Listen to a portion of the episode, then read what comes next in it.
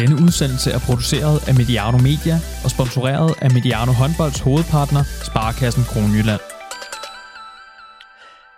Var der nogen, der savnede spænding ved VM? Den 27. januar var i forvejen en kæmpe dato i den danske håndboldhistoriske kalender. Det er datoen, hvor Ulrik Wilbæks landshold i 2008 brød årtiers stødvande og kunne fejre dansk herrehåndbolds første guldmedalje. Det er også datoen, hvor det mest suveræne verdensmesterskab nogensinde blev hævet hjem foran 15.000 mennesker i boksen i Herning. Det var i 2019. Og i 2021 blev der så fået et nyt kapitel til fortællingen om den 27.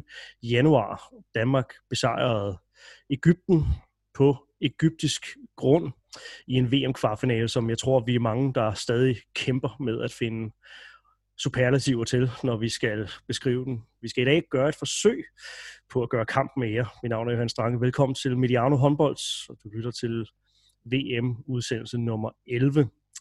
Med mig på en Zoom-forbindelse har jeg blandt andet Thomas Ladegaard, Humboldt, vismand, forfatter og fastmand på øh, Mediano. Velkommen, Thomas. Tusind tak, Johan. Tak. Thomas, vi har jo øh, sammen talt om Vlado Stencil, vi har talt om Bengen Boys, vi har talt om de jernhårde ladies, vi har talt om øh, uh, Talant Dushibayev, for du plejer at sige, det er med ærefrygt, du kaster dig ind i de her øh, udsendelser, når vi snakker om de store legender. Har du også ærefrygt over for uh, den håndboldoplevelse, som vi uh, verbalt skal forsøge at genskabe den næste times tid her? Ja, det har jeg, det har jeg bestemt.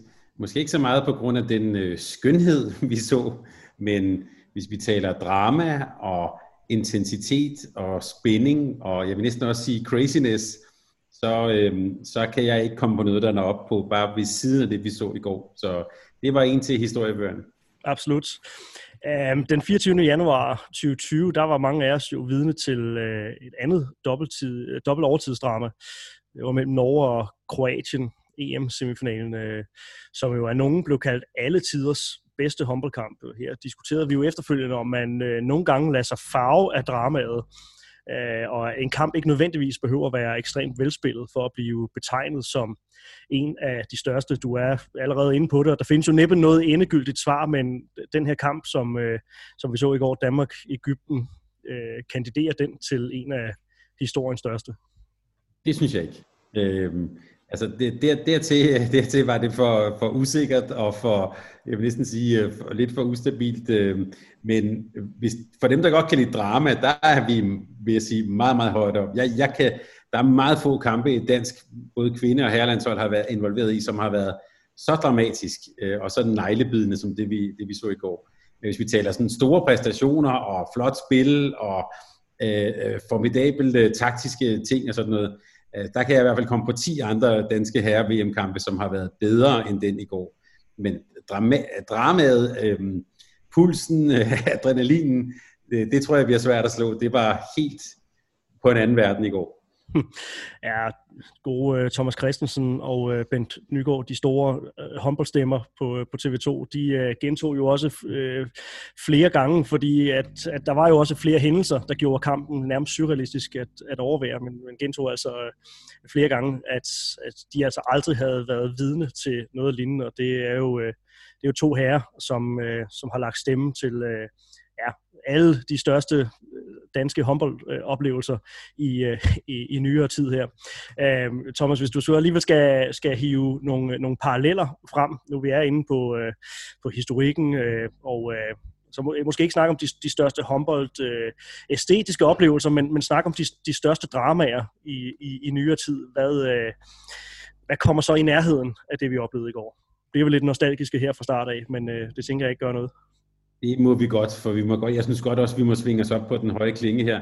Altså, det, det der minder me, mest om det, vi så i går, øh, er jo sådan, i hvert fald i, sin, i sit format, var jo kvindernes OL-finale i 2004, som jo også endte i en straffekastafgørelse. Øh, og jeg synes også, kampen sådan forløb mindede lidt om den, for det var ligesom sådan en, hvor jeg synes jo, at nogle af de her kampe får sådan en indre logik. Det var ligesom om, det næsten kun kunne ende med en, øh, en straffekastafgørelse. Ligesom det var den logik, der ligesom var i kampen. Men ellers så øh, på herresiden kan man jo også tale om altså, øh, VM i, i 2007 i Tyskland, kvartfinalen mod Island, øh, også med omgang, og semifinalen mod Polen øh, var, var, var bestemt også derop, og jeg tænker da egentlig også, at den der berømte semifinal for EM 08 med straffekast efter tid til Lars Christiansen havde bestemt også noget af det. Øh, og så glemmer vi måske nogle gange OL-semifinalen mod Polen i 16. Vi kommer nok også ind på Darsek og sådan en buzzer næsten her i dag. Øhm, øh, den havde jo også noget af det her drama i sig. Men altså, det at vi går øh, i straffekast er jo i sig selv helt usædvanligt. Men at vi så også, måden det så skete på med øh, de røde kort og alt det, vi skal ind på her, altså der er intet, der slår det her. Øhm, jeg er vokset op som lille dreng med VM i 1982, hvor, øhm, hvor jeg øh, så forældre, der stod bag et gardin og ikke turde se kampene og sådan noget. Det var, det var totalt den vibe, jeg fik i går. Altså, øh, jeg kunne, vores overbo herhjemme, jeg kunne høre, hvordan de hoppede i gulvet, altså øh, her, her i ejendommen, hvor jeg bor. Øh, og det var, jeg var på den måde bragt tilbage til Thomas øh, 10 år, VM 82 i, i, i Vesttyskland, de der dramaer, der også var på det her tidspunkt. Det var, øh, det var simpelthen håndbold, der er allerbedst og allermest dramatisk, det vi så i går. Hm. Ja, absolut. Øh, for mit eget vedkommende, så, øh, så udskød det et, øh, et arbejdsmøde med, med 45 minutter. Vi havde kalkuleret et, et møde, der skulle starte klokken, klokken 19. Det nærmede klokken så altså 20, inden vi, inden vi kom i gang med det. Det var et håndboldrelateret møde, så, så folk var, var heldigvis på, på bølgelængde i, i forhold til det. Men øh, ja, en, øh, en, en, en sindsoprivende håndboldkamp, øh, Thomas. Du, du snakker faktisk lidt om det her med en indre logik. Kan man ligefrem tale om sådan en, øh, en håndboldkamps anatomi? Altså, du siger, der er nogle helt sådan særlige ting, der bare sådan øh, kendetegner sådan en, øh, en kamp, der er sådan, så det nærmest bliver at nu kan man ikke ligefrem kalde kampen i går forudsigeligt, men man havde alligevel den her fornemmelse af, at det her, det kan næsten kun ende i, en, øh, i den ultimative dramatiske afgørelse, en, øh, en straffekastkonkurrence, og at det bliver det sidste kast, eller den sidste runde øh, af to kast i en straffekastkonkurrence, som, øh, som, som bliver afgørende. Kan du ikke prøve at bare sådan kort beskrive de, øh, de, de elementer, øh, som, øh, som, som gør sig gældende i, i sådan en kamp, sådan en fornemmelse, man, man får? Og men du kan jo så sige, altså, det, det, det er jo selvfølgelig også en efterrationalisering, for der er jo masser af elementer, eller masser af tidspunkter, hvor begge hold kunne have vundet. Men det er bare ligesom om de der dramaer, hvis vi nu siger OL-finalen i 04, det var ligesom om, altså, der var sådan en indre logik, øh, at Katrine Fuglund, hun skulle score mål, og så ville koreanerne udligne, og så endte det i straffe. Det, det var ligesom sådan, sådan arbejdede det hele så bare af, af sted her. Og sådan var det også i den her kamp i går, ligesom man, man, man troede, ej nu var den hjemme for Danmark, men så kom Ægypten igen, og omvendt. Øh, og, og, og måske også nogle hold, det kan vi vende om nogle spillere, der næsten var for ivrige for at gå ind og afgøre det hele. Ikke? Det er jo, øh, og man kan tale om taktik, og man kan tale om øh, alle mulige elementer. I sidste ende, så er det jo både held og uheld, og altså meget, meget små ting, øh, der afgør det. Det er jo det, det når, når sport er allermest sådan, øh, spændende, så kan vi have forberedt os i, i tusindvis af år og sådan noget, men så er det alligevel nogle helt, helt, helt små ting, der afgør det. Og så kan man så sige, i, i vores tilfælde også øh, nogle, nogle, nogle spillere, der, og her taler jeg Niklas Sandin, der så jo altså vælger at, at træde helt op i sin verdensklasse, når det så også øh, bliver brugt. Alle de der små elementer, synes jeg, var, øh, var til stede i går. Øhm, og det var ligesom om, at, at vi skulle bare, det skulle bare trækkes helt ud, som du siger, til aller, aller sidste kast. Der det en kamp, der havde alt. Jeg var, det var utroligt, der ikke, vi ikke har hørt flere historier om, om, om hjertetilfælde, og vi har også tidligere hørt om Nikolaj Jacobsens øh, blodtryk. Det var jeg alvorligt bange for i går. Ja, var det Østjyllands øh, politi, der, øh, der, der tweetede noget med, øh, med høje skrig fra, fra lejlighed. Jeg er ikke helt sikker på, at det, at det har haft gang på jord øh, som sådan, men øh, der, er, der er helt sikkert blevet øh, kommunikeret med store bogstaver i rigtig mange hjem undervejs i, i den her håndboldkamp. Øh, og det, det er vel også en af dem, øh, som nu sagde det er en til, en til historiebøgerne, Thomas. Det er jo en, vi sidder og snakker om om, øh, om 25-30 år. Ja, men det var også, altså jeg, øh, uden jeg skal træt øh, lytterne alt for meget med min egen sådan, følelse, men det var ligesom, man sidder første halvleg, om det er fint, det kører, der er mange gode elementer, og, og vi sidder, ja, jeg sad i hvert fald med det der sådan, øh, prøvede sådan lidt mere analytisk og sådan noget, og så i løbet af anden halvleg, der, der, hvor det virkelig snærper til, der kunne jeg bare mærke, altså du ved, stille og roligt kom pulsen bare op der, og når, og da, øh, hvad hedder det, øh, Yahya Omar, han scorer den der øh, bosser en, hvor vi måske ellers kunne have gået foran med tre, eller så, det, så bliver det pludselig et mål. Det var ligesom, jeg tænkte bare, herfra, der er bare, altså der, der er det bare totalt drama. Ikke? Så det var bare sådan, det steg og steg og steg og steg, og så til en stor kulmination til sidst. Det var, øh, havde Shakespeare været på, så kunne han ikke have gjort det meget bedre. Ej, det må man, øh, det må man sige. Jeg vil godt øh, tilskrive mig det med, at øh, det, var, det var en kunst at holde sig øh, analytisk undervejs i kampen. Jeg tror, øh, jeg tror selv, at de, de største håndboldhoveder derude har måttet, øh, måtte overgive sig til, til dramaet, og så os, der har med, med den del af sporten at gøre her, må så få samlet op, når pulsen den er, er faldet lidt. Men kan jo kun sige, nu snakker vi om Thomas og Bent på TV2 før, man, man føler sig jo rimelig privilegeret faktisk ved at få lov at, øh, at sætte ord på det her. Det er også derfor, jeg siger øh, ord som, at vi skal forsøge at gøre kampen til, øh, til ære, fordi det er, det er vidderligt sådan, som jeg har det med, med kampen i går. Jeg har også øh, en, øh, en tredje person med, som øh, nu har holdt sig øh, tavs i, øh, i henved et, øh, et kvarter med på udsendelsen, er også øh, dig, Sonny Larsen, håndboldtræner, blandt andet som A-landstræner for det færøske øh, herrelandshold. Velkommen til, øh, til dig, Sonny. Mange tak skal du have, Ivan. Et, et jeg godt stykke til opgaven. Ja, tak. Et godt stykke inde i, øh, i udsendelsen. Du har været, du har været dygtig og tavs. øhm, jeg kunne godt tænke mig at starte et andet sted med, øhm, med dig, Sonny. Gå ned ad en helt anden øh, sti. Øhm, var det her Mikkel Hansens øh, dårligste landskamp nogensinde? Nej, øh, det var det ikke. Øh, men øh, Ægypterne havde held til at, øh, hvad hedder det, få udfordret Mikkels øh, beslutningsevne og øh, skud. Han har ligget syg øh, en dag, og før det sad han over. Og øh, hvad hedder det, man skal bare lige huske på, øh, når man kigger lidt nærmere i analysen, at øh, ja, var det 10 mål, han fik lavet, og 6 assist undervejs også. Så, så, så, øh, så dårligste kamp, nej, øh, men han kan spille bedre, det ved vi også godt. Mm. Og det er jo en spiller, som øh, kan man sige, den, den, det ikon han er, den position han selvfølgelig har i, øh, i håndbolden, øh, så er han jo genstand for, for stor debat, og det tænker jeg også, han, han lever med for mange kommentarer, og, og nu begynder vi jo også at nærme os den tid, hvor folk, der der måske ikke følger håndbold indgående øh, hele året igennem, begynder at komme, komme med på vognen og også har holdninger til, øh, til det, som, øh, som, som foregår. Øh, bliver det nogle gange lidt for, for sort-hvidt, når, når, når spillerpræstationer skal øh, bedømmes? Ja, det gør det. Det bliver, det bliver hurtigt et slag for, for tasken. Havde vi nu øh, tabt i går, øh, kampen der i Danmark, øh, jamen så havde øh, konklusionen jo været, at det havde været en kæmpe fiasko, og vi har spillet øh, rigtig dårligt. Øh, og selvom vi undervejs egentlig faktisk har spillet nogle fine kampe, og der har været mange momenter i kampene, som er blevet bedre og bedre, så jeg synes tit, øh, hvad kan man sige, øh, lægmand øh, har selvfølgelig altid en holdning, og det er derfor, det er dejligt med sport, og det gælder i fodbold såvel som håndbold, at der er alle, der ligesom har en holdning og har en konklusion på, hvad der egentlig øh, skete, og hvad der skal, skulle gøres anderledes. Øh, men der må vi, øh, kan man sige, øh, være lidt dygtigere. Det er jo lidt ligesom det der med, at er bolden er rundt, så alting kan ske ej, alting kan ikke ske. Øh, det, det kan det altså ikke. Det er nu semifinaletid mod Spanien, øh, men det er en evig, øh, evig klassiker, ikke? Så øh, lad os kigge lidt ned i detaljerne, som jeg også ved, vi skal, og, og hvad er det, de lykkes med de her Mikkel Hansen, øh, øh, i forhold til Mikkel Hansens øh, spil, at, at, øh, at få dæmmet op for det blandt andet, og, og hvad var det, der skete sådan, øh, sådan håndboldfagligt? Ja, det kommer vi helt sikkert øh, til. Lige for at gøre øh, kan vi sige, den her snak om, om Mikkel Hansen øh, færdig, så kan man jo sige, at, at mange af de her kommentarer øh, og, øh, og, og når folk sidder og analyserer på, øh, på Mikkel Hansens præstationer, øh, jamen det bunder jo vel et eller andet sted også i, i en kæmpe bunke forventninger, der er til, øh, til, til Mikkel Hansen. Øh, så det meget ledende spørgsmål her vil jo så være, kan vi overhovedet, kan vi overhovedet tillade os at, at forvente, at han spiller på, lad os sige, VM 19-niveau øh, konstant og hele tiden? Nej, der er vi jo øh, mennesker, ikke øh, alle sammen, øh, og, og det går op og ned i håndbold.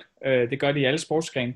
Øh, det interessante er her, at Mikkel han har været øh, så mange år i, øh, i verdenstoppen, og, og kigger man lidt ned i detaljen ud over de, øh, de positive afsæt, så har han fem tekniske fejl lige præcis i kampen i går. og det er mere, end han plejer at have, og, og, og det danske landshold har lidt flere tekniske fejl, men igen, det kognitive load, der ligger på, på Mikkel efter sådan nogle, ja, og hele holdet for den sags skyld, det tryk, altså den her cognitive load som en form for forståelse af, at den øh, arbejdsudkommelse er under belastning. Øh, Øh, man har lige været ude øh, og, og, og ligge nogle dage, og, og kroppen er ikke helt vant til at øh, have høj puls. Så skal du skulle kunne huske en hel masse, og samtidig træffe de rigtige beslutninger på afgørende, på afgørende tidspunkter. Så, øh, så jeg tænker egentlig, der er vi, det er egentlig meget menneskeligt øh, at kigge lidt på den øh, præstation og sige, hey, øh, der er masser af, af positive elementer. Ja, Ægypterne havde held til at få udfordret 7-6-spillet blandt andet, øh, og, og øh, hvad hedder det, der ser Mikkel lidt dårligere ud, end, øh, end, end han nødvendigvis øh, selv vil være øh, bekendt at sige, at det var hans bedste præstation. Ja, altså jeg kan undre mig over, øh, at, at der bliver givet øh, nærmest dobbelt så høj karakter til øh, en, en spiller som øh, Mathias Gissel, øh, for dem, der, der sidder på de, de mandater og, og uddeler, hvor, altså, hvor fra min stol, der, der ligner det, at en, en spiller som ham lukrerer rigtig meget på lige præcis de tryk, som Mikkel Hansen lægger, og de bolde, som, som han spiller. Sådan er der jo så meget, som du også siger, Sonny, så, så dykker vi også ned i, i detaljerne, og særligt Øh, kan man sige, omkring det, det for Mikkel Hansens vedkommende helt store dramatiske højdepunkt øh, i, øh, i kampen i, i går. Øhm, Thomas, du kan måske lige få lov at at, at supplere på, på, på den snak her. Altså, det siger vel også noget om, om Mikkel Hansen og vores forventninger og det tårnhøje niveau, han nu igennem øh, ja, i, nu i øh, hans tredje årti faktisk, at han, øh, at han beriger øh, håndboldverdenen med hans, øh, hans, hans egenskaber. Altså det siger vel noget om, øh, om, øh, om niveauet, om, øh, om forventningerne, at man kan få den oplevelse, at han spiller en mindre god kamp, og så kan man så kigge på kamprapporten bagefter og se, se 10 mål og, og, og 6 assist. Ja, altså jeg, jeg, faktisk en, en, jeg skal nok svare på de spørgsmål, men en lille detalje, synes jeg, var, at at han er jo faktisk øh, 100% på alle sine straffekast i en rimelig presset kamp. Det fortæller også for mig noget om den sådan, øh, betydning af den klasse, han har. Og så synes jeg da, at Sonny har en sindssygt god pointe, at når han i et par af de der 7-6 situationer øh, kommer til at se, se lidt uheldig ud, så er det også fordi, det er ham, der skal afgøre alle boldene. Øh, altså det er, det er jo ligesom ham, der, at det er ham, der står midten, kan man sige.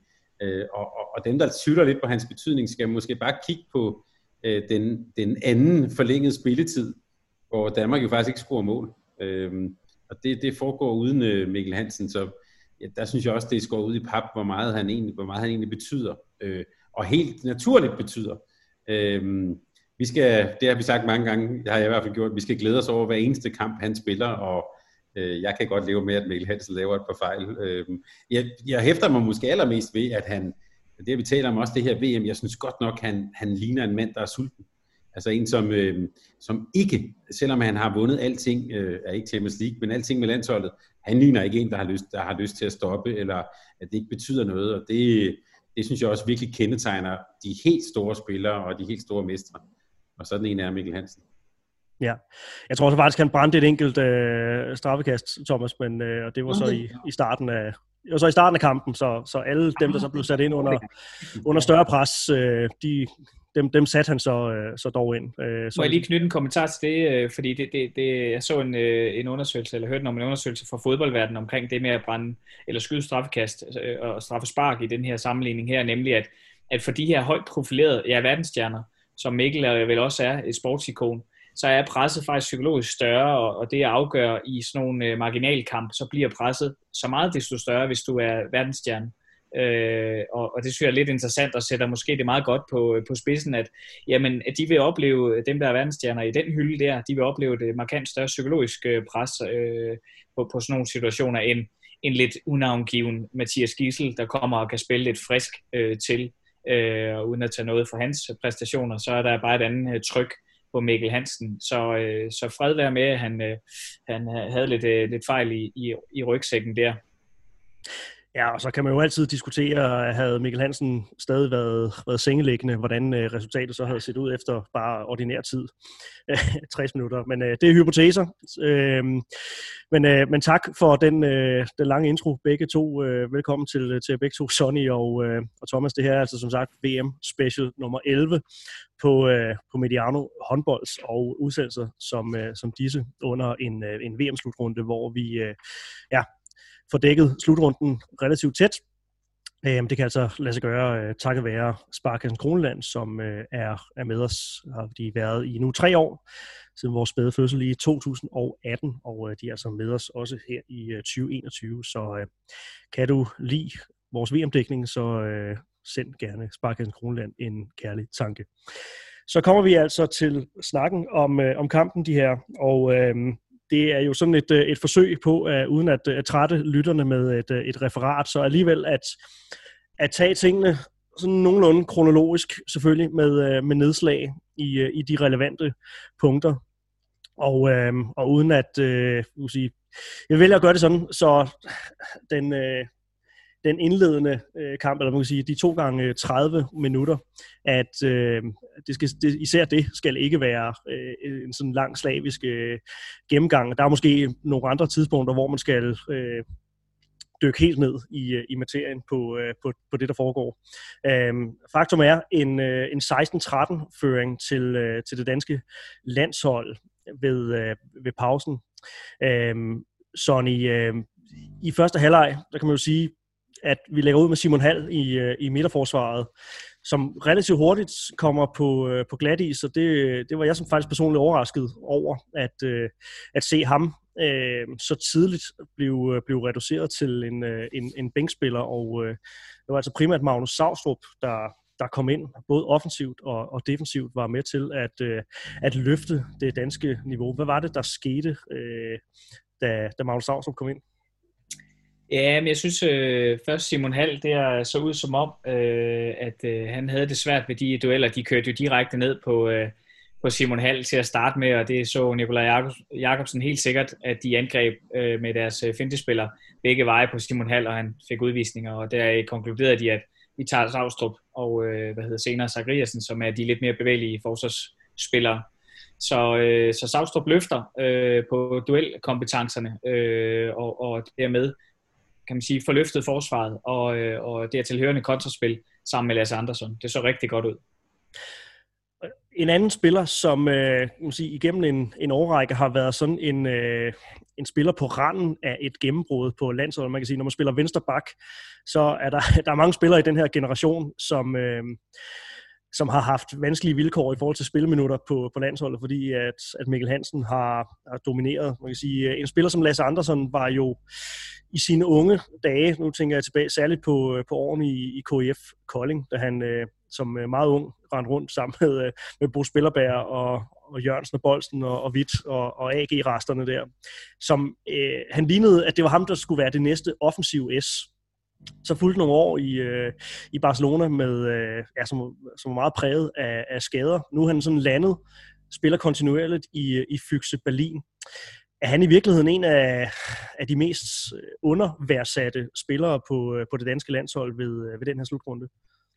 Ja, det må man sige. Sammen med Mensa for de løst nogle opgaver i begge retninger, alle spillets faser. Jeg tror i virkeligheden, det er en af de der årsager til, at man i Danmark, eller med det danske landshold, har præsteret så godt øh, til den her slutrunde. Han, øh, han får dækket op, og han er også den med flest øh, bolderobringer i, øh, i det danske forsvar, øh, og fik virkelig vist sit, sit værd i forhold til kontrafasen i, i, øh, i går. Og man kunne jo også snakke lidt om, hvordan gør vi så det mod øh, Spanien. Det kunne være et spændende øh, tema, for der manglede vi lidt kontra i anden halvleg, øh, og det var noget med deres struktur og sammenhæng, øh, som var et spændende tema. Men han har øh, om nogen dækket rigtig godt op. Øh, vi plejer at være det mest blokerende hold øh, til slutrunder, men vi har nu fået det her lidt spanske spil, i erobringsspillet ind.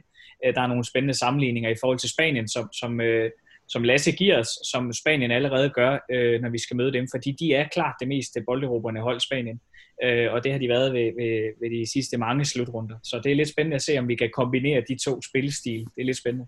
Så det kunne godt være årene under Xavier Pascual i, øh, i Barcelona, som, øh, som har givet ham de kompetencer på, ja, på det. flot udtalt, må jeg sige, først og fremmest. Ja, gracias. ja, det tror jeg. Det tror jeg klart. Det ser sådan ud øh, nede på, på hans øh, forsvar mod det lidt øh, spanske, øh, vi kan kalde det det spanske forsvar mod øh, krydsspil. Ikke? Han er god til at aflæse situationerne, øh, sådan så det bliver en bolderobring i stedet for, øh, for, øh, for en takling, som vi vil gøre herhjemme i Danmark i den danske kultur. Ja, og øh, selvfølgelig værd at, at fremhæve, fordi at det, var, det var faktisk særligt i, øh, i første alder, da, da Danmark begynder at, at trække fra, at, øh, at Lasse Andersen havde en, en større rolle. Øh, Thomas, det er jo også sådan nogle ting på, øh, på ankomst, ankomstfasen, øh, som, øh, som, som har altså, gjort sig gældende for, for hans vedkommende. Skuddet har nogle gange set øh, lidt, lidt febrilsk ud, men det ligner, at han har mandat til det. Men med de sidste to kampe her mod Kroatien og, øh, øh, og Ægypten, der er det jo også på, på assist-delen, at, øh, at han har, har, har budt ind.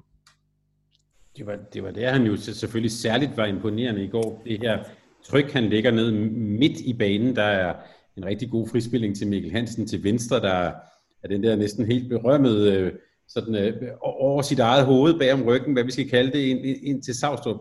Rigtig, rigtig gode afleveringer. Øhm, eneste, jeg ærger mig lidt over ved, ved hans, øh, det er, at han har haft, synes jeg, et, et par øh, forsøg, hvor han, han skyder jo altså, han er jo en af dem, der skyder hårdest i verden formentlig, øh, men hvor han nogle gange skyder lidt for meget lige ud, øh, hvor han også i går rammer målmanden sådan, hvor det bliver lidt for meget sådan et lige udskud, men jeg sidder primært, og som Sonny er inde på, også og nyder hans, øh, hans forsvarsspil. Øh, han står nogle gange, det kan Sonny måske lige uddybe for mig, om jeg ser rigtigt, men nogle gange så siger vi jo, at man, det her med, at man skal være skråtstillet i håndbold og lokke folk ud af, han stiller sig jo nogle gange den anden vej, gør han ikke det, Sonny? Og meget enig, meget enig, ja. det er en klar øh, del af strategien, ser det ud som om at kontrollere nogle af de fintespillere, det gør han rigtig godt, og, og yderligere det der, som for Lasses vedkommende sagde, at det, det forsvar mod det spanske øh, krydsspil her, men, men jeg mente egentlig også, at, at her i den her turnering har det virkelig været på indspillene, specielt i går i indspillene, han stjæler og tager bolden fra dem, så vi vinder den, og, og hvad hedder det, og det er der, han har erobret, eller på dueller over fra, fra den ene bak, så løber han igennem der op til, til centerpositionen, så, så det var egentlig øh, supplerende, at, at, øh, at, at ja, det, det gør han virkelig godt på sit forsvarsspil, og det gjorde han også allerede i KIF øh, dengang øh, på, på, på nogle af hans opgaver på forsvaret. Det er virkelig interessant at se, hvordan han dækker op. 16-13 ved pausen bliver altså lynhurtigt forvandlet til, øh, til 17-17, og øh, et egyptisk hold, der, der stille og roligt begynder at, at tilegne sig øh, momentum. Øh, vi er jo ikke andet end få minutter inde i, øh, i anden halvleg, øh, Sonny, før kampen jo faktisk ændrer markant rytme. Øh, Danmark som de første til at gå i, i 7 mod 6, da ja, da Danmark altså indleder anden halvleg med at have, have besvær med at, øh, at score. Ægypten går også senere i, øh, i, i 7 mod 6. Altså, kan, kan du prøve at forklare det, øh, det rytmebrud, der, der, der sker i kampen? Fordi det er jo en, en komplet øh, kovending, der, der sker sådan øh, lige umiddelbart. Ja, altså det første der, der sker, det er, at vi har 17-17 og, og 7 mod 6 og, og, øh, og øh, efter team timeout øh, fra Danmark, ikke? og så går den på 18-18 via et straffekast. Ikke? Det er ret, ret interessant at se.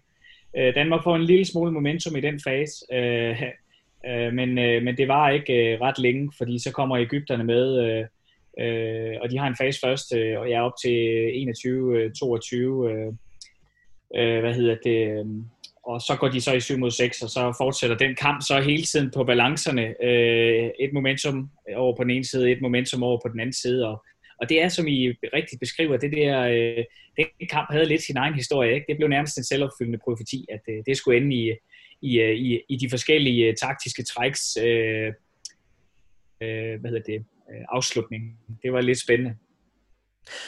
Og hvad fungerer, hvad fungerer godt, og hvad fungerer mindre godt ved, øh, ved det danske 7-6-spil? Fordi som du siger, vi, vi får jo på en eller anden måde bibevaret øh, et momentum gennem det, eller i hvert fald, ikke, i hvert fald en, en, en, en lille overhånd på, øh, på Ægypterne i løbet af, af anden halvleg, og står jo også med, med muligheden, ja, er det, er det 8 minutter før tid, at vi, vi, vi kan knække dem. Ja, hvad, hvad lykkes vi, vi godt med, og hvorfor er det, at Ægypterne så alligevel lykkedes med at, øh, at holde sig i nærheden af, af, af Danmark her i slutfasen på, på den ordinære kamp?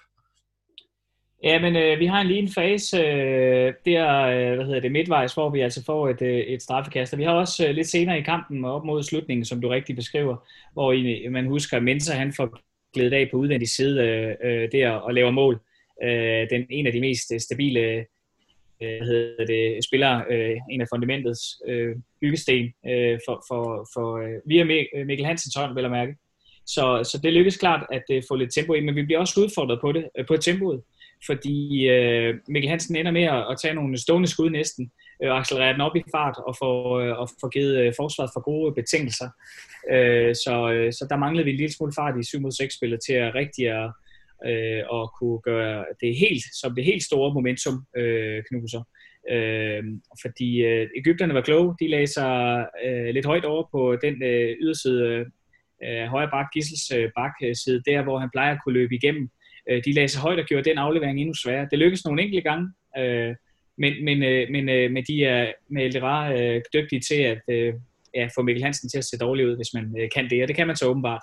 Ja, og, og hvad er det for nogle beslutninger, som man skal, skal tage defensivt? Fordi man er jo naturligt en, en mand i, uh, i, i undertal, ikke? og det er jo, uh, som siger her, der, der tager de så den beslutning, at det er, det er venstre toer, der, der løfter sig meget og ligesom skærmer, ja, skærmer banen af for, øh, for, for, for Mikkel Hansen. Du ser jo også det er flere gange, han får, får lavet fejlafleveringer uh, mod sin egen højre side. Um, kunne det være løst anderledes? Uh, på, på, på, på nogen måde skulle, øh, skulle der have været nogle andre bevægelser øh, inden, og hvad er det, som, som, øh, som, som, der, som der er så vanskeligt ved at spille udenom øh, om lige præcis den, øh, det taktiske træk? Øh, kantscreeningerne på yderside 2 øh, blev sådan en, en nervøs størrelse, øh, fordi at, øh, at det kunne jo afgøre kampen på det tidspunkt, så turde man at stille sig ud og lave den screening for at så måske få en angrebsfejl imod sig. Øh, så det blev ikke helt spillet øh, skarpt nok.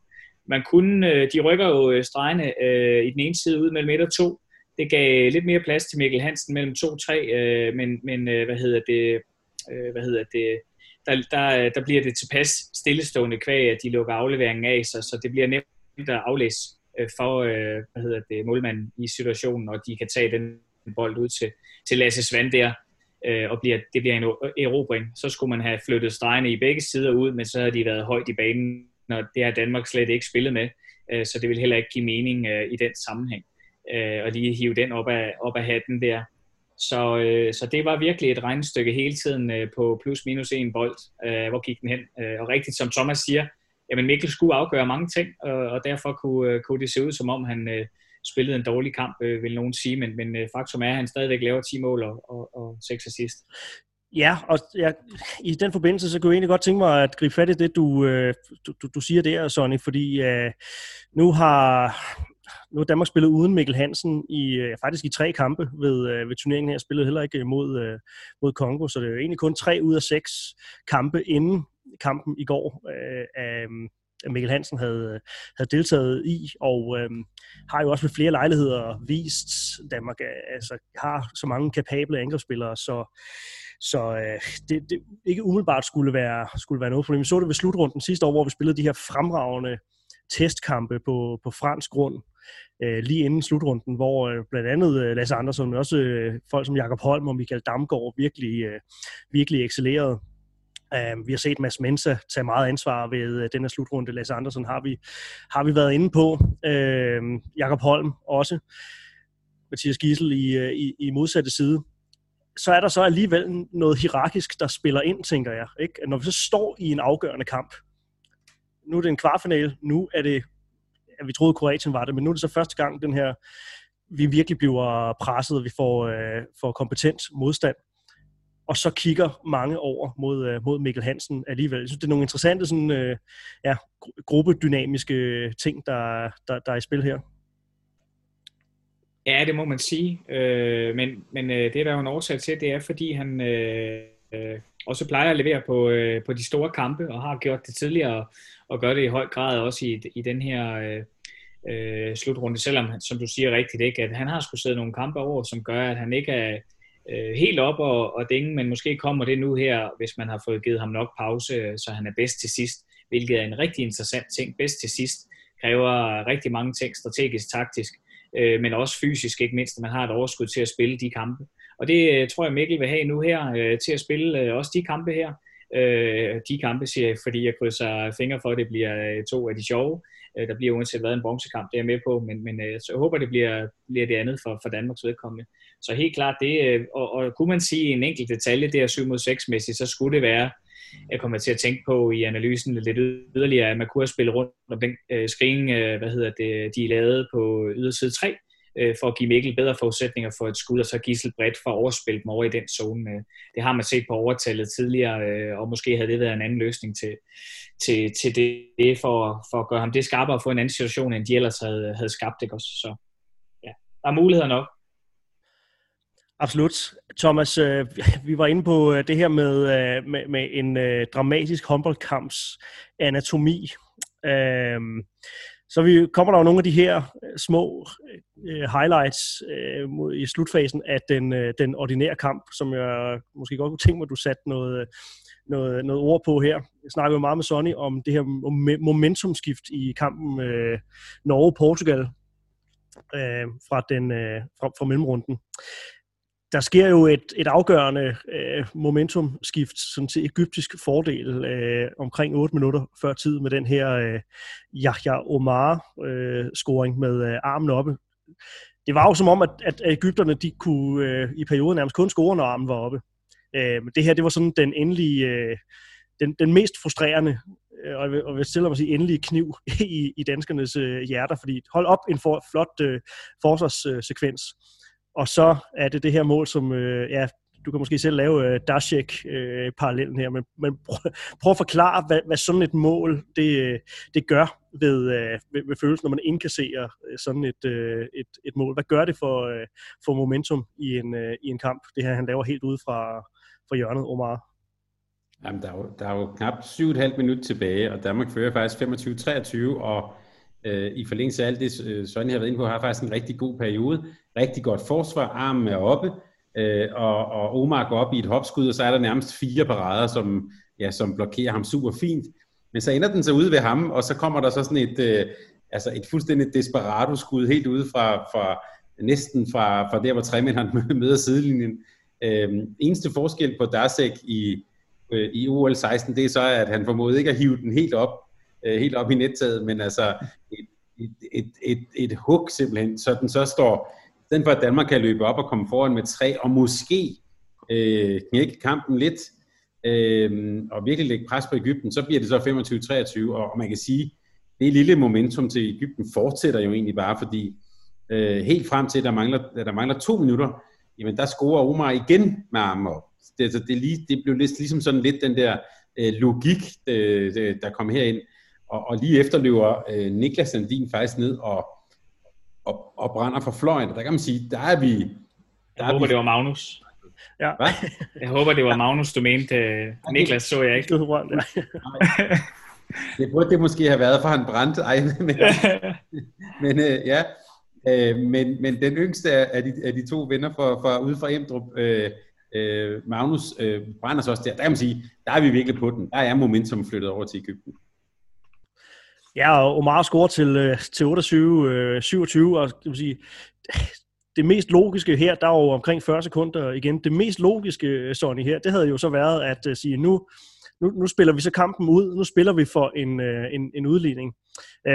Men, men igen, noget, noget snarrådighed, jeg tror faktisk det igen, det er Mikkel Hansen, der, der, der spiller den bold, ser, at Ægypterne er i gang med at skifte ud på den korte bane, og Magnus Landin er så helt fri. Han er godt nok lige brændt, men han er helt fri, så man tager afslutningen uh, efter, efter fire sekunder i, ja. øh, i, i, i det ja. angreb. Det er jo bare sådan endnu et bevis på, øh, på, på, på øh, snarrådighed, og måske en, en sådan en, en kognitiv detalje, som, som mange måske udlader i deres analyse af, af Mikkel Hansen. Verdensklasse, ikke? Tilbage til. Verdensklasse, ikke? Søger ja. momentum. Verdensklasse søger på det rigtige tidspunkt tilbage til momentum. En kontra kan skifte momentum, det har vi set så mange gange ja. øh, i tidligere turneringer. Også for det her landshold øh, tilbage til Makedonien-kampen ned i Landins venstre fod, og så op, og så er afsted Svand, øh, bum, og så er der mål. Nå, var det, var det to sekunder, eller var det tre eller fire, det ved jeg ikke, men, men det var fantastisk, øh, det, det, øh, det element af, af håndbold, ikke? og der kan det skifte øh, fantastisk hurtigt. Øh, det danske overtal, man har øh, til sidst i kampen, øh, der var mulighed, øh, undskyld, ja, ja, ja, der var muligheder for at lave, lave mål også der. Øh, ja. ja. Og, og, og det får vi jo, øh, altså vi får jo simpelthen, øh, det er two for one, kalder man det, i, øh, i, øh, i NBA. Øh, for øh, der bliver vi jo altså tildelt en gave fra Send from Heaven, sagde Thomas Christensen. Øh, en, øh, en fejludskiftning. Og det er jo her, Jesper Fordin, som jo ofte er med øh, her på kanalen, når vi, øh, når vi snakker herrehåndbold, han øh, lavede jo... Øh, på, øh, på sin Facebook en, øh, en, en liste over, altså han kaldte det jo de dårlige beslutningers kamp, det her, øh, Thomas. Og det her, det er så den, den første af, af det, man øh, kan tillade sig at sige øh, rigtig, rigtig dårlige øh, beslutninger. Et udtryk for, for, for noget af et stressniveau, øh, som den her kamp jo bare, bare præg af. Øh, ja, en egyptisk fejludskiftning. Allerede der begynder man at tænke, man har nærmest ikke set noget lignende. Ja, fordi jeg tænkte nemlig faktisk, at da øh, Magnus Landin øh, scorede, jeg, min første tanke var, at det var næsten lidt for tidligt. Altså, ja, fordi, fordi vi giver dem sekunder. Vi giver dem faktisk tid til at, at, at afgøre bolden med omkring 30 sekunder igen nu var der nemlig tid til, at de kunne øh, bygge op, og også bygge op på en måde, så vi ikke fik bolden igen. Øh, så, så jeg tænkte, det var lidt for tidligt. Øh, og så den dygtige egyptiske streg, Mamdu, Mamdou, han, han, ja, han træder jo så de her 10 cm ind på banen, som gør, at de er en mand for meget øh, på banen. Øh, og jeg, jeg har faktisk set episoden et par gange, og sådan som jeg ser det, så, øh, altså, så opdager han det faktisk selv, før at der er nogle andre, der opdager det. Men det er ligesom om, at det er, hvis jeg skal være inde i hovedet på ham, det er jo ligesom, han havde det jo på samme måde, som vi havde. Danmark har scoret, nu har vi 30 sekunder til at afgøre det. Ikke? Så det er, en, det er jo en person, der simpelthen bare, ja, man kan godt kalde det en fejlbeslutning. Jeg tænker også, det er virkelig bare en mand, der vil afgøre det her for, øh, for Ægypten. Og så, så altså, han bliver simpelthen overivrig. Øhm, og det er selvfølgelig en dårlig beslutning, men det fortæller også lidt om den sådan øh, vilje, og som vi har talt om, den logik, der også var i kampen. Nu skal han ind og afgøre det. Og ja, som jeg ser det, han opdager det faktisk selv, inden så den danske bænk, i øvrigt Mikkel Hansen, nu vi taler om ham, så som jeg ser det, han er en af de første, der op, øh, øh og, øh, og bemærkte det. Øh, og jo, nu har vi ikke rost dem endnu, men øh, øh, de to dommer jo altså helt køligt og fint måde at afvikle hele situationen på. Øhm, og så får Danmark så, øh, så muligheden for at spille i overtal i, i den sidste del. Øhm, og det får jeg næsten lyst til at, at, at, at spørge Sonny om.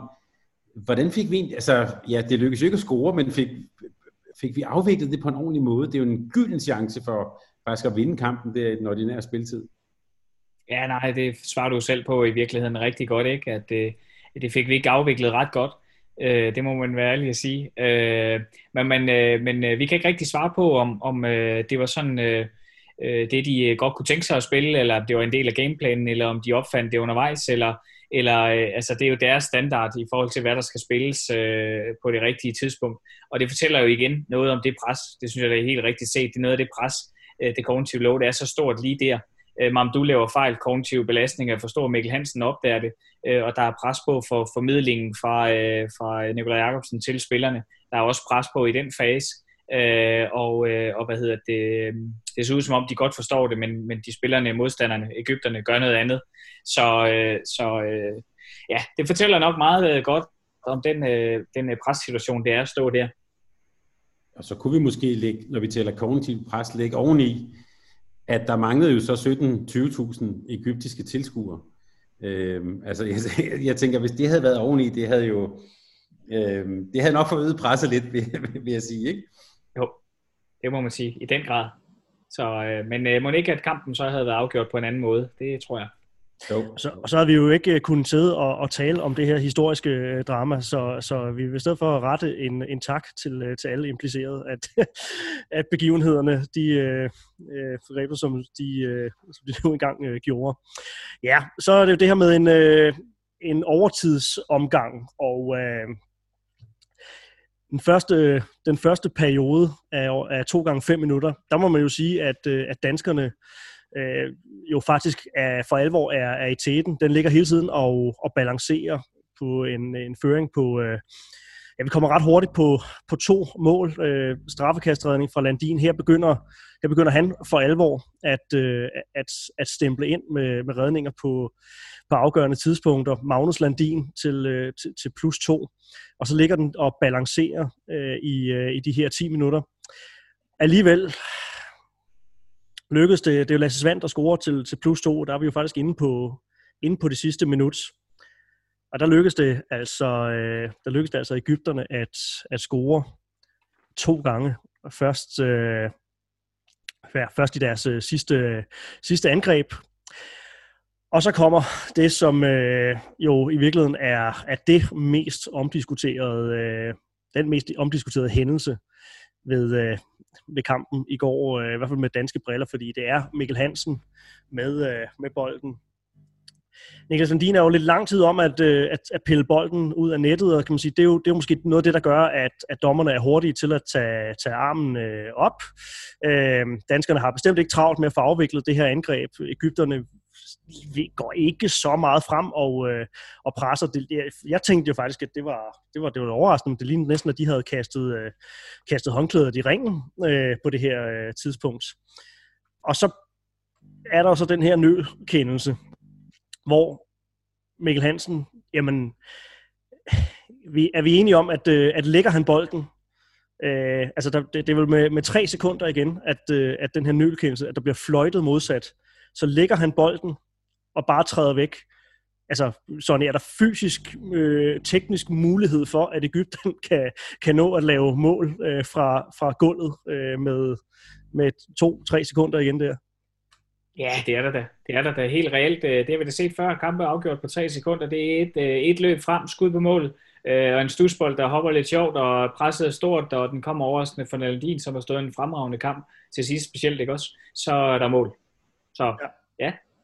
Så det kunne, øh, det kunne godt ske, men, men, men, men man tænker alligevel, at, at muligheden havde været, havde været mindre. Så ja, Mikkel Hansen vælger at, at kaste bolden ned mod, øh, mod hjørnet. Og øh, bliver jo, øh, kan man sige, han er blevet efterfølgende blevet, øh, blevet genstand for, øh, for, for voldsom kritik af sin, øh, af sin handling der. Øhm, og det er jo bestemt ikke, fordi vi er ude på at tage, øh, tage Mikkel Hansen i, øh, i, i forsvar. En, øh, en absolut øh, dum beslutning, men så lad os lige prøve at dykke lidt ned i, i nogle af de ting, øh, nogle af de elementer, som du allerede har snakket om med, øh, med stressfaktor, kognitiv load, og så i virkeligheden også noget af den, øh, den optakt, der har været for Mikkel Hansen til, øh, til kampen her. Jeg kunne egentlig godt tænke mig at starte lige med, øh, med, med, med det. Øh, altså en, en person, der, der ikke har holdt, kunne holde øh, næring i sig i, i et par døgn op til, øh, til, til sådan en, en kamp her. Altså kan der ud over stressfaktoren også være sådan noget rent... Øh, fysiologisk, noget blodsukker, der kan, der kan spille ind, øh, når sådan en, en beslutning bliver truffet? Ja, ganske, ganske givet. Øh, ganske givet, når øh, man ikke har været i, i ilden øh, og, og trænet og spillet på, øh, på de seneste dage, så, så ved man, at, at fysiologisk set kan blodsukkeret være lavt efter, efter sådan en øh, gang øh, over halvanden times arbejde der, øh, højintenst arbejde øh, frem og tilbage, og, og Mikkel spiller det meste af tiden. Øh, og øh, hvad hedder det, dermed lavt blodsukker, og dermed øh, ikke øh, energi nok til, at hjernen kan træffe de rigtige beslutninger øh, på det rigtige tidspunkt. Så det giver helt ud, øh, helt ud mening, og øh, der kan være nogle hormonniveauer, som også er forhøjet og kan forskubbe, øh, ja, forstyrre i et eller andet omfang. Øh, men øh, øh, sådan set med brillerne i lyset af, af, af, af hvad hedder det, af Mikkels optag, så, så er han stadig en så rutineret øh, fyr, at, at det, det er ikke nogen undskyldning. Øh, men jeg tænker bare, sammenligningen er jo, at han ved jo godt, at han skal få, få møblet den her bold hurtigst muligt øh, mod mål. Han ved det jo godt, når han tænker bagefter over det. Lidt ligesom vi husker Michael V. Knudsen tog en, tog en udvisning i gamle dage og løb ud over sidelinjen med en af, af spillerne. Hov, der var ingenting, og der er frikast ude i siden, og han var koldblodig og ville vinde. Øh, så, så, øh, så jeg tænker, den kan du tale mere om, Thomas, det er, at, at, at det er jo også en, øh, en, en sportsmanship at forsøge at ramme lige præcis balancen af, hvornår er nok nok til, at vi vinder og spille skuespillet her i kampen. Lad som om, at vi jo ikke, øh, hvad hedder det, hvad hedder, lavet som om vi går mod mål. Øh, og det er jo en del af gamet, og, og det vi elsker ved det, er den der balance i at spille skuespiller, og, øh, og så gøre det, øh, vi har tænkt os. Jeg, jeg tænker jo, at en god pointe med Johan. Jeg sad også og råbte her, jeg hvis jeg ville gøre til børnene øh, partibold til øh, Ægypterne. Sjovt, de ikke gik frem, ikke? Men, men måske, måske, skulle, øh, måske skulle det i virkeligheden have været, have været Gissel, der var gået ind og taget en eller anden duel og fået et par frikast og sådan noget. Øh, nu, øhm, nu, nu, nu stod han ligesom der med, med bolden, og, altså, og hvis man er i tvivl om det der med de tre sekunder, jeg, jeg synes en måde at se på, at, at, at, at han, dommeren rent faktisk havde fløjtet, det er, at man kan se når, på den langsomme, at når Mikkel står med bolden, at der begynder Sarnat faktisk at løbe, inden, øh, altså inden han afleverer det. Så, så, så på den ned, der var i hvert fald en fløj, der havde opfattet, hvad der skete der i, øh, i, i det der lille øh, øh, splitsekund. Øhm. Og, og Mathias Gissel forsøger faktisk, hvis man lægger mærke til det, at gå ind i en duel, men ham forsvarsspilleren, han trækker sig klogeligt tilbage i banen, så Gissel kan, komme, kan ikke komme ind og få kontakten. Så Gissel bliver lidt tvunget til at hoppe på en halv øh, angrebsfejl, eller, eller sådan en halv frikast, som det er måske 50-50, for at det bliver dømt, mm. eller spille bolden videre til Mikkel Hansen der er mange ting i, øh, i spil, og øh, faktum er altså, at, øh, at Ægypterne får, får udlignet på, på det efterfølgende straffekast. Øh, jeg tænker også, der rent psykologisk må have været et, øh, et, et momentumskift der, Sonny. Øh, et, et egyptisk hold, der nærmest allerede var øh, i gang på, øh, jeg vil lige vil sige grædemuren, men, øh, men, men var var godt på vej til at øh, også sige tak for kampen, og øh, så bliver de altså øh, beriget med den her øh, ekstra, ekstra chance. Og den passion, altså det synes jeg øvrigt også, man skal, øh, skal huske at, øh, at rose Ægypterne for, den der passion, man kunne se, at de som, øh, som hjemmehold, ikke? Og, og skal vi være helt objektive, så havde sådan en kamp jo fortjent øh, 17.000 tilskuere øh, på lægterne, og øh, så kunne der have været alle mulige ting øh, for eller mod dansk forvør, som som kunne have været som kunne have været anderledes. Det kan vi kun kun gisne om, men men men det udtryk de så faktisk øh, forvent til, til, øh, til deres fordel via den her straffekastscoring og en, en omkamp nummer to, øh, synes jeg er, er værd at bemærke. Og så man kan jo også godt se, de kommer jo ud til anden øh, overtidsperiode, eller anden gang forlænget øh, spilletid, med det mere energi end, øh, end Danmark. Danmark, der jo også skulle spille uden øh, Mikkel Hansen. Kan du prøve at forklare det momentumskift? Øh, og det er en svær en også, men enig i det, i at, øh, at øh, momentum klart skifter, fordi det er den med, nu har man følelsen af, hov, nu er det os, der vinder. Øh, og, øh, og hvad hedder man skal egentlig øh, hvad hedder det, juble så meget, men alligevel være tilpas afdæmpet, fordi man har jo ikke vundet endnu. Og det synes jeg er en væsentlig øh, forskel her fra, øh, fra, tror jeg, det danske versus det egyptiske hold. For danskerne ved godt, hov, vi har nu en mulighed øh, igen, men vi har ikke vundet endnu. Øh, og derfor er meget passende Nikolaj Jacobsens kommentar til Lasse Svand om, ja, så skal du afgøre situationen, min ven. Øh, fordi han ved, at nu har vi mulighed for at vinde øh, til slut. Øh, det tænker jeg over den der måde, som øh, de, øh, de danske, øh, det, det danske hold, nu kan vi ikke høre Ægypterne, så ved vi ved ikke, hvordan de er gået til den, det skal vi være ærlige at sige. Øh, så, men, men den der måde, at øh, narrativet ligesom bliver bygget op, hov, så kan du afgøre det, min ven. Og Lasse Svend har det øh, til synligheden godt med presbolde her øh, og, øh, og øh, så kender vi historien på det. Ja, Thomas, man kan jo sige, at der er jo faktisk yderligere øh, tilfældigheder, som, øh, som så spiller ind øh, nu på, på bagkant. Altså, der er jo så, øh, der florerer jo nu tv-billeder, de, de er jo gået viralt øh, allerede nu, mens vi, vi sidder og, og, og taler om, så det er ikke noget, vi, vi breaker. Kronborg havde sendt det til dig, øh, men, øh, men der var så faktisk øh, overtrådt på, på Ægypternes øh, straffekastscoring. Sanat, han, øh, han flytter faktisk øh, foden øh, fremadrettet, så er bare lige øh, endnu et, et, et kuriosum, endnu en øh, tilfældighed, at den, den kunne være blevet øh, fløjtet, den der. Øh, altså, det, det er bare en, altså det fortæller noget om den her kamp, det er bare en detalje, som vi, og det har vi så opdaget lidt bagefter, fordi i alt det andet, vi har talt om, og man kan også bare sige, sådan som vi, der hvor vi er nået til i vores fortælling her, der har vi ikke engang fortalt om det mest sindssyge nu. altså, vi, vi, det er, altså, eller vi er i hvert fald på vej hen øh, mod sådan øh, dramaets forløsning. Ikke? Øh, ja. Det fortæller lidt om, hvad det egentlig er for en kamp, vi taler om, og hvor, hvor mange vanvittige hændelser, der, der egentlig kom, øh, også i, øh, i, i, det, i det andet omspil, den anden forlængede spilletid. Ja, lad os bare springe til, øh, til, til den sidste, fordi fortællingen er jo, at, at Ægypterne har øh, klart momentum i, øh, i den her øh, periode. Øhm, øh, men, men, men Thomas, nu snakker vi om det her med, at der er mange spillere, der, der gør det godt. Der er alligevel nogle galionsfigurer, der virkelig stepper op, når, når tingene, når tingene spidser til her. Ja, okay, Sonny, du er ivrig for at, at markere på den. Jeg vil, jeg vil spørge til Niklas Landin i den her, den her anden overtidsperiode.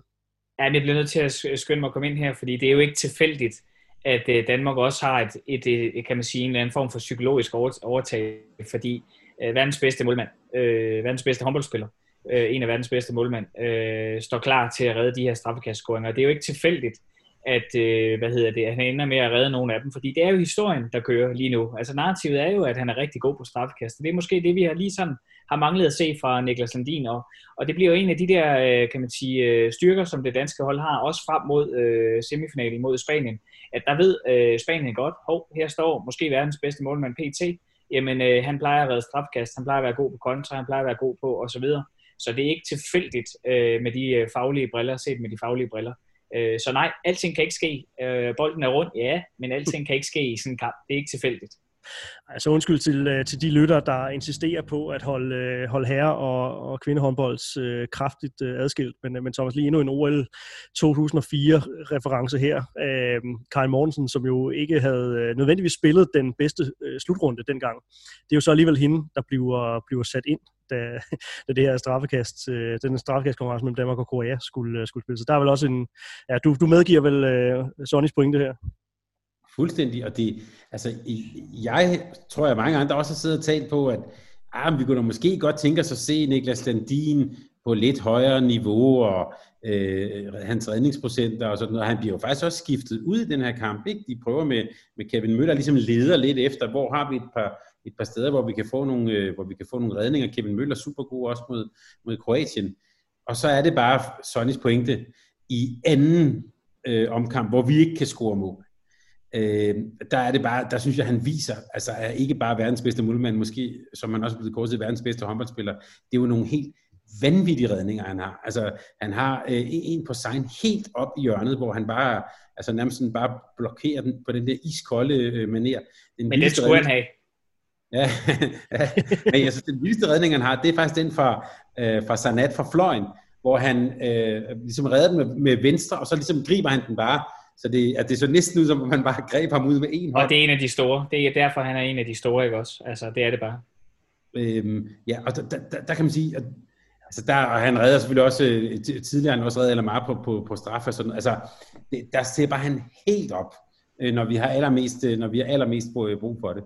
Det er altså en, en af hans største præstationer, synes jeg. Ja, og øh, altså, meget godt bevis på, på det her med, at en, øh, en, en, en stor præstation jo ikke nødvendigvis handler om, altså for en målmand, at have en redningsprocent på, på over 50 eller andet vanvittigt, øh, at man som, som øh, bare, hvad hedder det, markspiller øh, skal være øh, 15 på 17 for at have, have spillet en afgørende rolle. Altså det handler også om det her med at være være clutch, kalder man det igen i det NBA-udtryk i virkeligheden, men øh, at, være, at være god på de afgørende tidspunkter. Jeg tror i virkeligheden, det er det, jeg, jeg prøver at sige med, øh, med det her. Øh, er der andre sådan de, detaljer fra, fra, fra kampen, som nu har vi jo gået, øh, gået meget ned og dissekeret øh, øh, flere af episoderne sådan helt ned øh, til, øh, til den nærmeste øh, mindste detalje. Er der, er der andre ting i, i kampen her, I, øh, I savner at, øh, at forvente? Thomas, du, øh, du, det er en tofingers, du markerer. Jeg har faktisk en, en tofingermarkering, fordi øh, øh, vi har måske, vi har været lidt inde på det, men Lasse Svane altså scorer altså seks mål igen, det her med, øh, øh, det der med at, at være til stede for sit hold, når, når det virkelig gælder. Og jeg synes egentlig også, at Mathias Gissel, i de her øh, forlængede spilletid, han scorer seks mål i, øh, i, i kampen, det, og han er jo, øh, som vi kommer til om et øjeblik, jo også blandet ind i sådan den, den sidste afgørende situation. Altså, vi har jo talt lidt om, ej, sikke et flot indhop, og er det den bedste sådan debut ved en slutrunde? Og så, så, så var det jo, at, at, at, at, at så blev jeg sådan lidt gammel surmand og sagde, ja, men lad os nu lige se, når det, når det spidser til.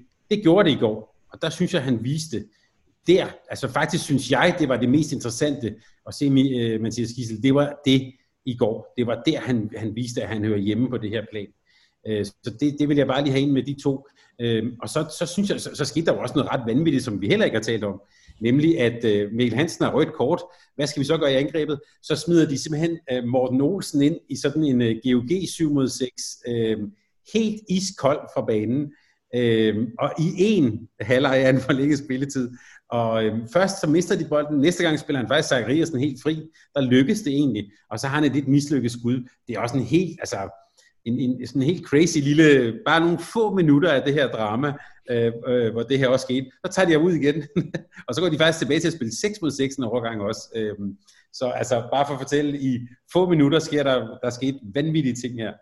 Ja, og så den, den, øh, det, der ender med at blive den afgørende gave øh, til, til Danmark, det er jo så også, at, at der er, øh, at der er Ægypter fremme i hovedet på, øh, på Mathias Gissel, og så kan man jo igen sige, jamen, kunne han have skudt den ind? Ja, ja det kunne han måske godt, ikke? Men, øh, men, men vi er også nede på, øh, vi er lavt nede på, på sandsynlighedsbarometeret der, så øh, det, det ender med at blive et, øh, et, et dumt rødt kort at, øh, at trække fra, fra Ægypterne, og det er jo så lige med et, øh, et, et, et straffekast. Kan vi lige tale om det der øh, Landin-straffekast, øh, i øvrigt Magnus Landin, øh, med, øh, med hele målrammen, Thomas? Altså, der er mange ting her, hvor man kan sige, har vi nogensinde set noget lignende, men øh, jeg vil tillade mig at stille det samme spørgsmål en gang til her. Ja, men jeg, jeg nævnte jo også før det der med, hvor jeg kom til at kalde ham Niklas, hvis nok, at, at jeg, jeg synes jo ikke, han så sådan 100% penge i banken sikker ud i, i, i den her kamp, hvor han har også været øh, måske ikke helt på samme niveau som i 19 og sådan noget. Og så synes jeg bare, det er, altså, det er så iskoldt at gå op og, øh, og, og skyde det her straffe. Øhm, og så jætter foden af stolpen, og så op og lige, lige, lige kysse rammen rundt og, øh, og ind. Der var flere i stuen, hvor jeg sad i hvert fald, der, der, der så den ude, om jeg så må sige. Øhm, så altså, selvfølgelig var skulle det straffet også eksekveres på den der måde. Ja, det var bare lige den der, øh, kan man sige, øh, det gennembrud, som der også er i sådan en kvartfinal til det videre spil, minder lidt om sådan en pendant, vi havde øh, Lars Christiansen, kommer jeg til at tænke på, der skulle skyde det afgørende om at komme i finalen, dengang Danmark brød igennem til guld, guldmuren der, ikke? Så, så jeg tænker over, at nogle af de der mekanismer for, for Magnus minder lidt om det samme her. Maksimal pres. Ja, det må man, må man den, i den grad sige. Øh, I den forbindelse også Emil Jakobsen, som, øh, som brænder helt iskold to og et halvt minut før tid, bliver så sat til at skyde som den første i, i straffekast-konkurrencen. Øh, uh, øh, uh, er en Henrik Mølgaard, der, der indtil, indtil det tidspunkt kun havde skudt bolden øh, i mål en gang ved, øh, ved slutrunden, kun, dæk, kun dækker op, bliver sat til at skyde, øh, skyde straffe, og, øh, og, og en iskold øh, Nikolaj Øres, som jo altså er en, en relativt habil øh, straffeskytte for, øh, for et af ligaens bedste hold, BSH, skal man, skal man også huske at sige til folk, der, der, der måske undrer sig over, at en spiller så lavt i, i hierarkiet øh, skulle skyde så, så afgørende en, øh, en, en bold.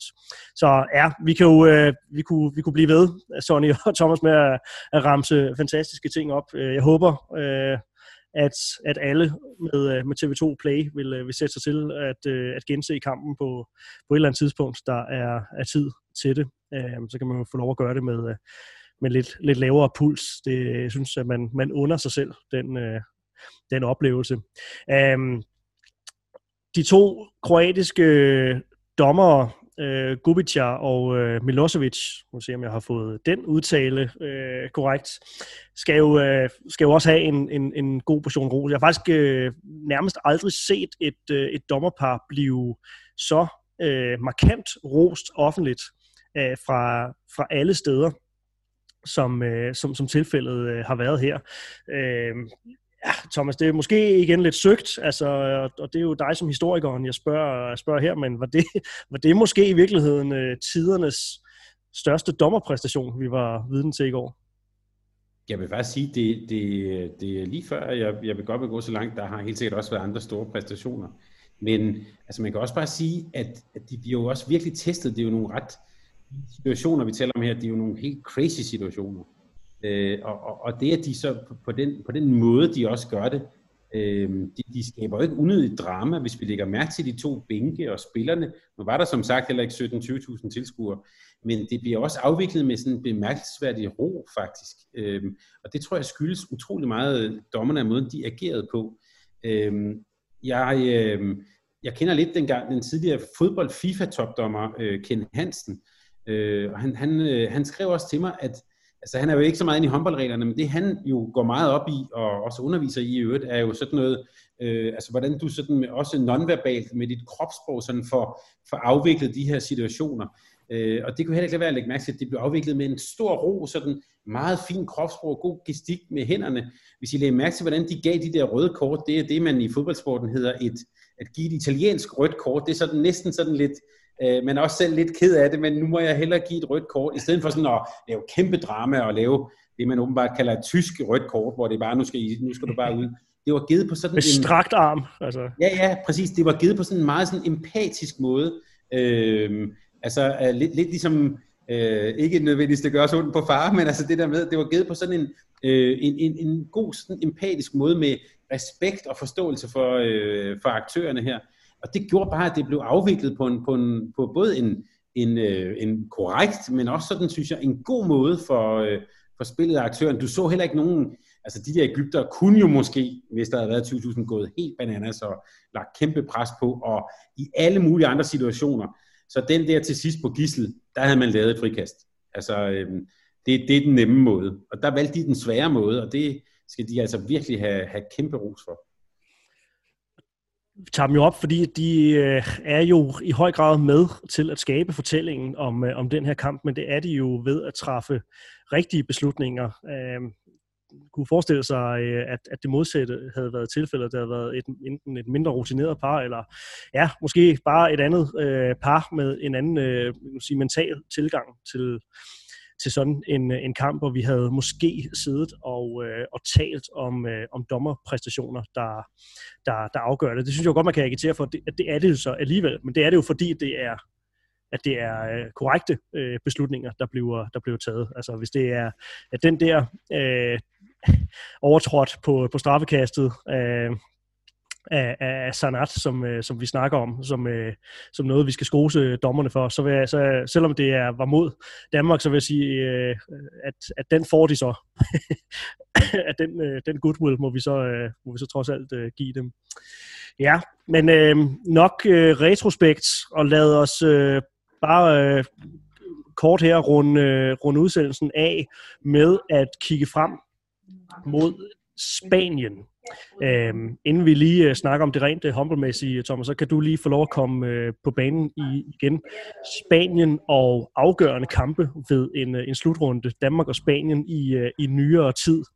Uh, ikke man sådan kan tale om, om, om et af holdene af den andens uh, onde ånd, men uh, i hvert fald nogle af, af de største håndboldoplevelser, som, uh, som vi har haft gennem ja, det sidste årti har jo faktisk været kampe mellem, øh, mellem Danmark og Spanien. Så i nyere håndboldhistorie, hvad er det for et, et opgør, som, øh, som seerne skal overvære fredag aften?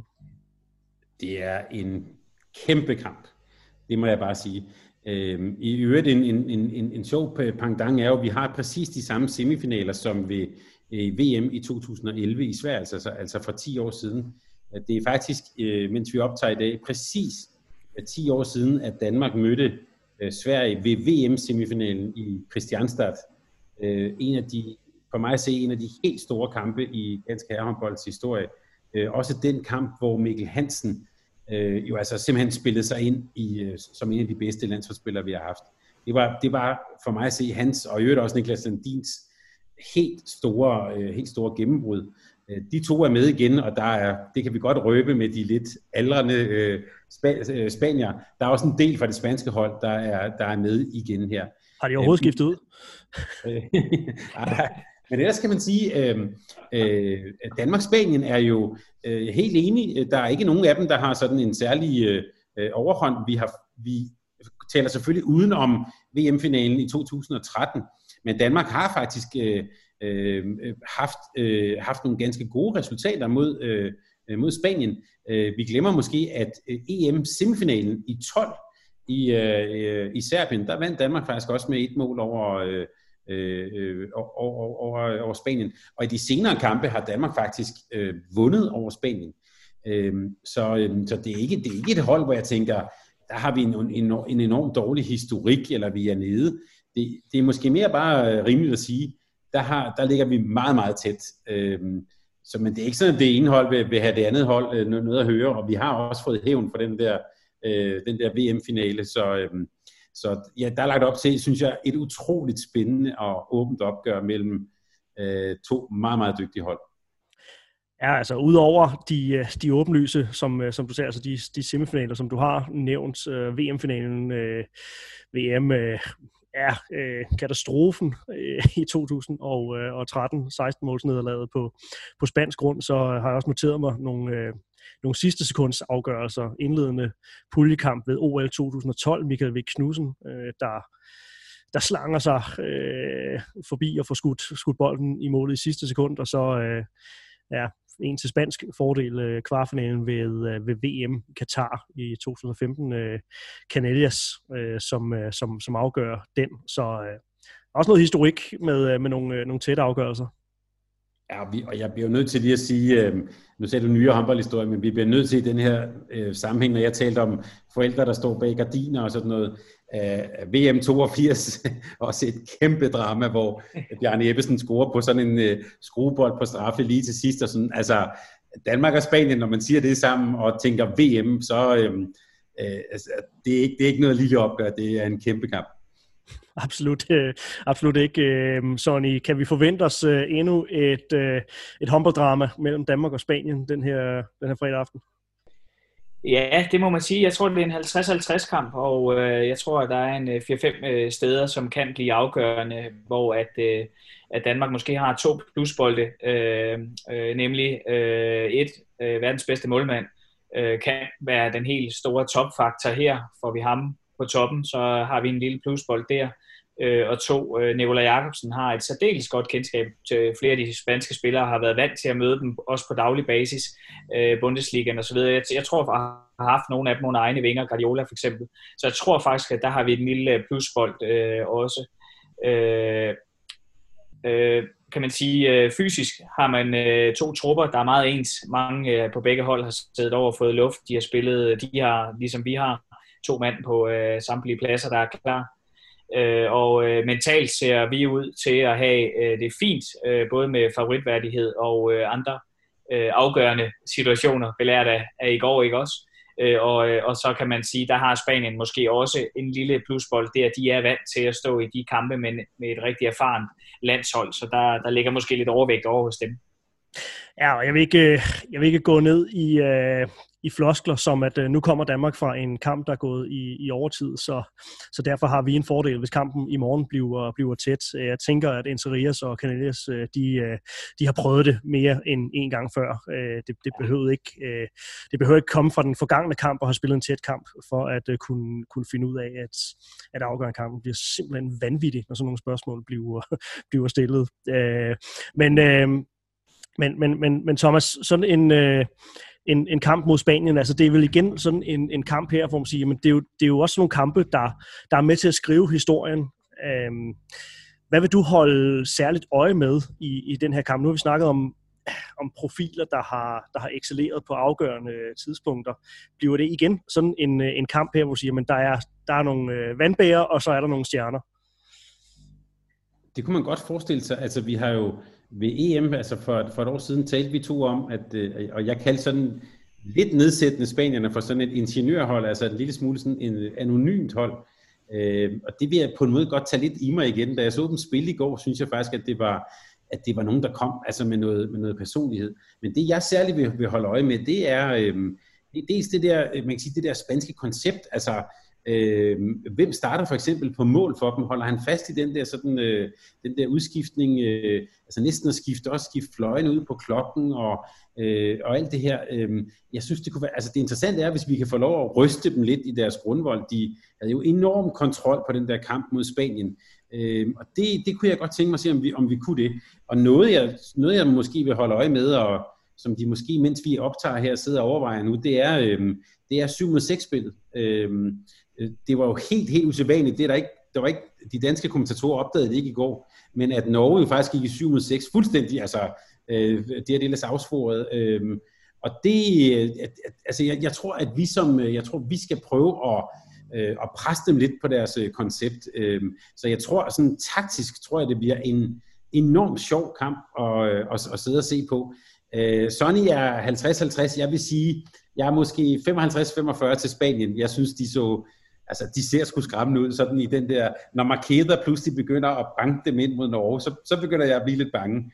Øhm, og også Daniel Dutibaya, for sådan, altså, det er fandme et godt hold. Så, øhm, så lige en, jeg vil sige en lille bitte til Spanien, men øh, tror jeg et meget taktisk opgør, det bliver sjovt at se.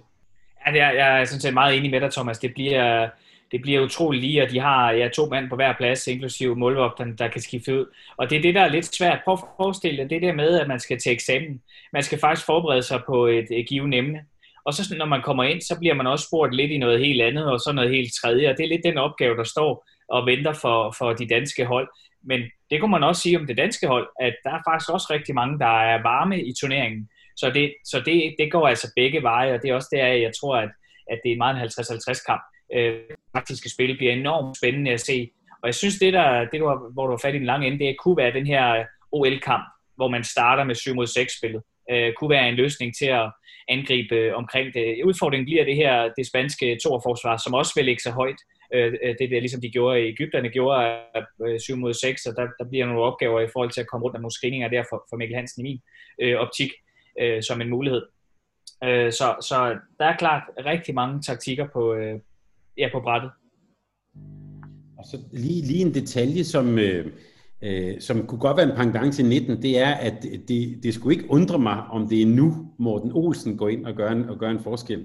Øh, jeg lagde mærke til ham, da, da han blev taget ud i går, så var han så tydeligt øh, indebrændt, øh, lidt skuffet ud, og jeg kunne lade også mærke til, at Nikolaj Øres var sådan hen og trøste ham lidt.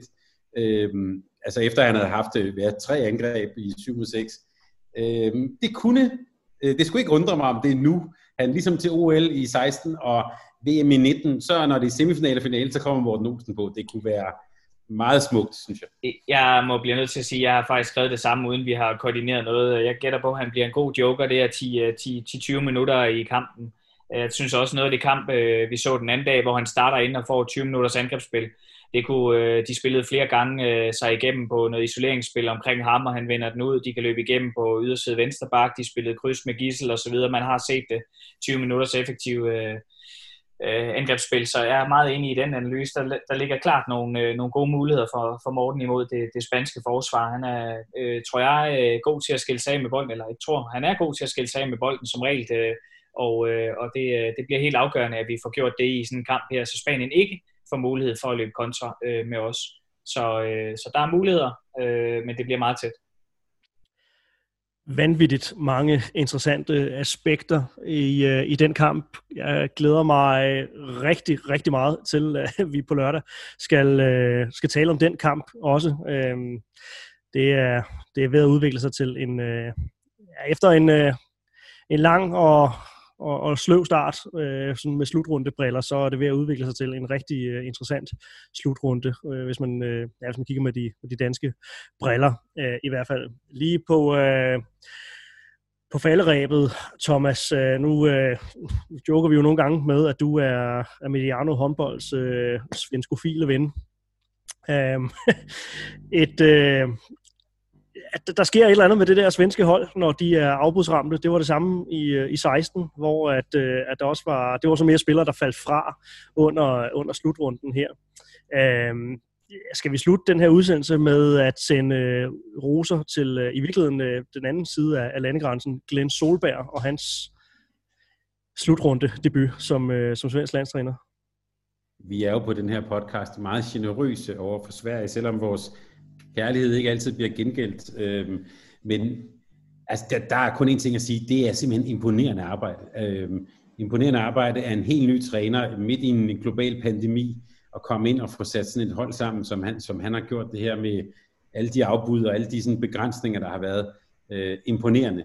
Øh, jeg, vil dog, jeg vil dog så også være så nøgtern og så sige, jeg tror også, det slutter her. Øh, altså de, øhm, øh, øh det her med at blive presset virkelig af, af, af, af tophold, i, jeg, jeg, jeg tror, at semifinalen bliver endestationen for dem. Men altså, hvorfor ikke? Øh, Sverige har gjort det på den anden side. Hvorfor ikke? Øh, Sverige har gjort det før.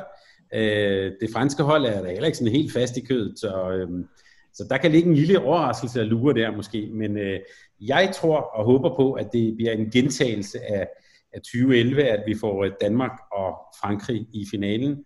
Øh, også gerne en forlænget spiltid, bare med et, øh, et, lidt, andet, øh, et lidt andet udkom den her gang. Ja, Sonny, øh, i virkeligheden så, så er det jo helt vildt at skulle sidde og snakke om, om Frankrig som en, øh, som, som en overraskelse ved en, øh, en, en slutrunde, men det er jo faktisk et, et hold, som vi op til slutrunden øh, talte om, øh, at, at de så absolut ikke ud til at være i, i synk, øh, tabte til, til Serbien i det her kvalifikationskampe, op til at så, så bestemt ikke overbevisende ud, der spillede uafgjort i, i den anden. Så flot af Sverige, øh, afbudsramte til, til den her slutrunde at komme i semifinalen, men øh, vel i virkeligheden også øh, et, øh, en stor gave til øh, Shilom Shil øh, for hans arbejde med at få få løftet det her franske hold ved, ved den her slutrunde. Ja, det er helt sikkert også øh, godt gået, fordi det er, de har været forklædt lidt. Øh, det er alt det udtryk, der sådan har været afklædt lidt af de her franske hold. De har faktisk kigget lidt rundt. Hvad fanden sker der lige? Øh, er vi ved at tabe nu igen? Og det har, det har været lidt sådan historien om dem. Men de har fået noget mere kant noget mere attitude. De vil vinde, og det klæder virkelig øh, det, klæder virkelig det franske hold øh, at se, øh, når de spiller på den måde. Også, det gør jo, at deres spil også bliver væsentligt bedre og skarpere på alle mulige ledere kanter. Så det er, det er også godt arbejde på, på, på et meget forventnings, forventet øh, fransk stærkt hold. Og så et, en kamp, der jo øh, altså havde, havde Danmark og Ægypten ikke spillet øh, og afgjort kampen på den måde, de gjorde, så havde man jo også talt om, om deres kvartfinale som, øh, som, som VM's største drama indtil nu, men øh, den ender jo med at fuldstændig gå under radaren. I hvert fald med, øh, med, med, med danske briller, sikkert også med, øh, med egyptiske. Øh, det, blev, det var jo bare 70 minutters håndbold, og så var den afgjort. Ikke? Hvad, Super kedeligt. kan man ikke bruge til noget. Super kedeligt. Stille, stille, stille og rolig øh, kvartfinale der. øh, ja, Ungarn og, øh, og Norge er jo, øh, er jo så også ude af, af, af turneringen øh, nu her. Jeg tænker, vi, øh, vi samler op på, øh, på nogle af dem, som, øh, som vi måske ikke har fået talt så, så meget om her i, øh, i næste uge, når vi skal tale om, om slutrunden på, øh, på bagkant. Ja, Sonny og, øh, og Thomas, lad os sige, at det, var, at det var det for i dag. Jeg tror, det blev en, en god øh, halvanden time. Øh, måske ikke helt måle sig med, øh, med en, øh, med en håndboldkamp, som, øh, som, som i går, hvad angår, øh, hvad angår dramatiske kurver, men, øh, men så har vi i hvert fald forsøgt at, øh, som sagt, genskabe oplevelsen verbalt her. I skal have begge to tusind, tusind tak for, øh, for nu. Tak til, til dig, Sonny. Tak, og i lige måde. Tak fordi jeg måtte være med. Og øh, tak til, til dig også, Thomas. Tak fordi jeg måtte være med. Der var mange ord i dag, men det synes jeg også kampen fortjente. Det var en, en helt særlig begivenhed, vi var med til der i går. Absolut. Jeg tror, vores, øh, vores rekord gik øh, til, øh, til den første Morten Stig Christensen øh, udsendelse, du, du lavede, øh, Thomas. Øh, så øh, øh jeg tænker ikke, vi deler den her op i, øh, i, i to. Det tror jeg heller ikke, du gjorde med, øh, med Morten Stig. Så øh, ingen, øh, ingen rekorder her, men øh, måske i slutrunde sammenhæng den, øh, den længste udsendelse, vi har lavet på, øh, på Mediano håndbold. Men øh, det hvis det på noget tidspunkt skulle være, så skulle det også være efter sådan en kamp her. Danmark er i VM-semifinalen. Spanien er modstanderen. Det vækker gode minder. Og det er altså ja, fredag aften 2030, at, øh, at den kamp den øh, løber staten. Vi er i øh, dit feed på, øh, på lørdag, og øh, skal selvfølgelig nok øh, tage jer i hånden under den her øh, finale weekend. Det her var øh, VM Special nummer 11 på Mediano Håndbolds. Vi høres ved. Tak fordi du lyttede til en podcast af Mediano Håndbold. Hvis du kunne lide udsendelsen, så husk at abonnere på Mediano Håndbold, der hvor du hører podcasts. Så får du den seneste udsendelse serveret direkte til dig. Du må gerne fortælle dine venner om os, og husk at følge os på Facebook, Twitter og Instagram. Mediano Håndbold kan lade sig gøre, takket være Sparkassen Kronjylland. Vi har gået hånd i hånd siden foråret 2018, og de er med os hele 2020.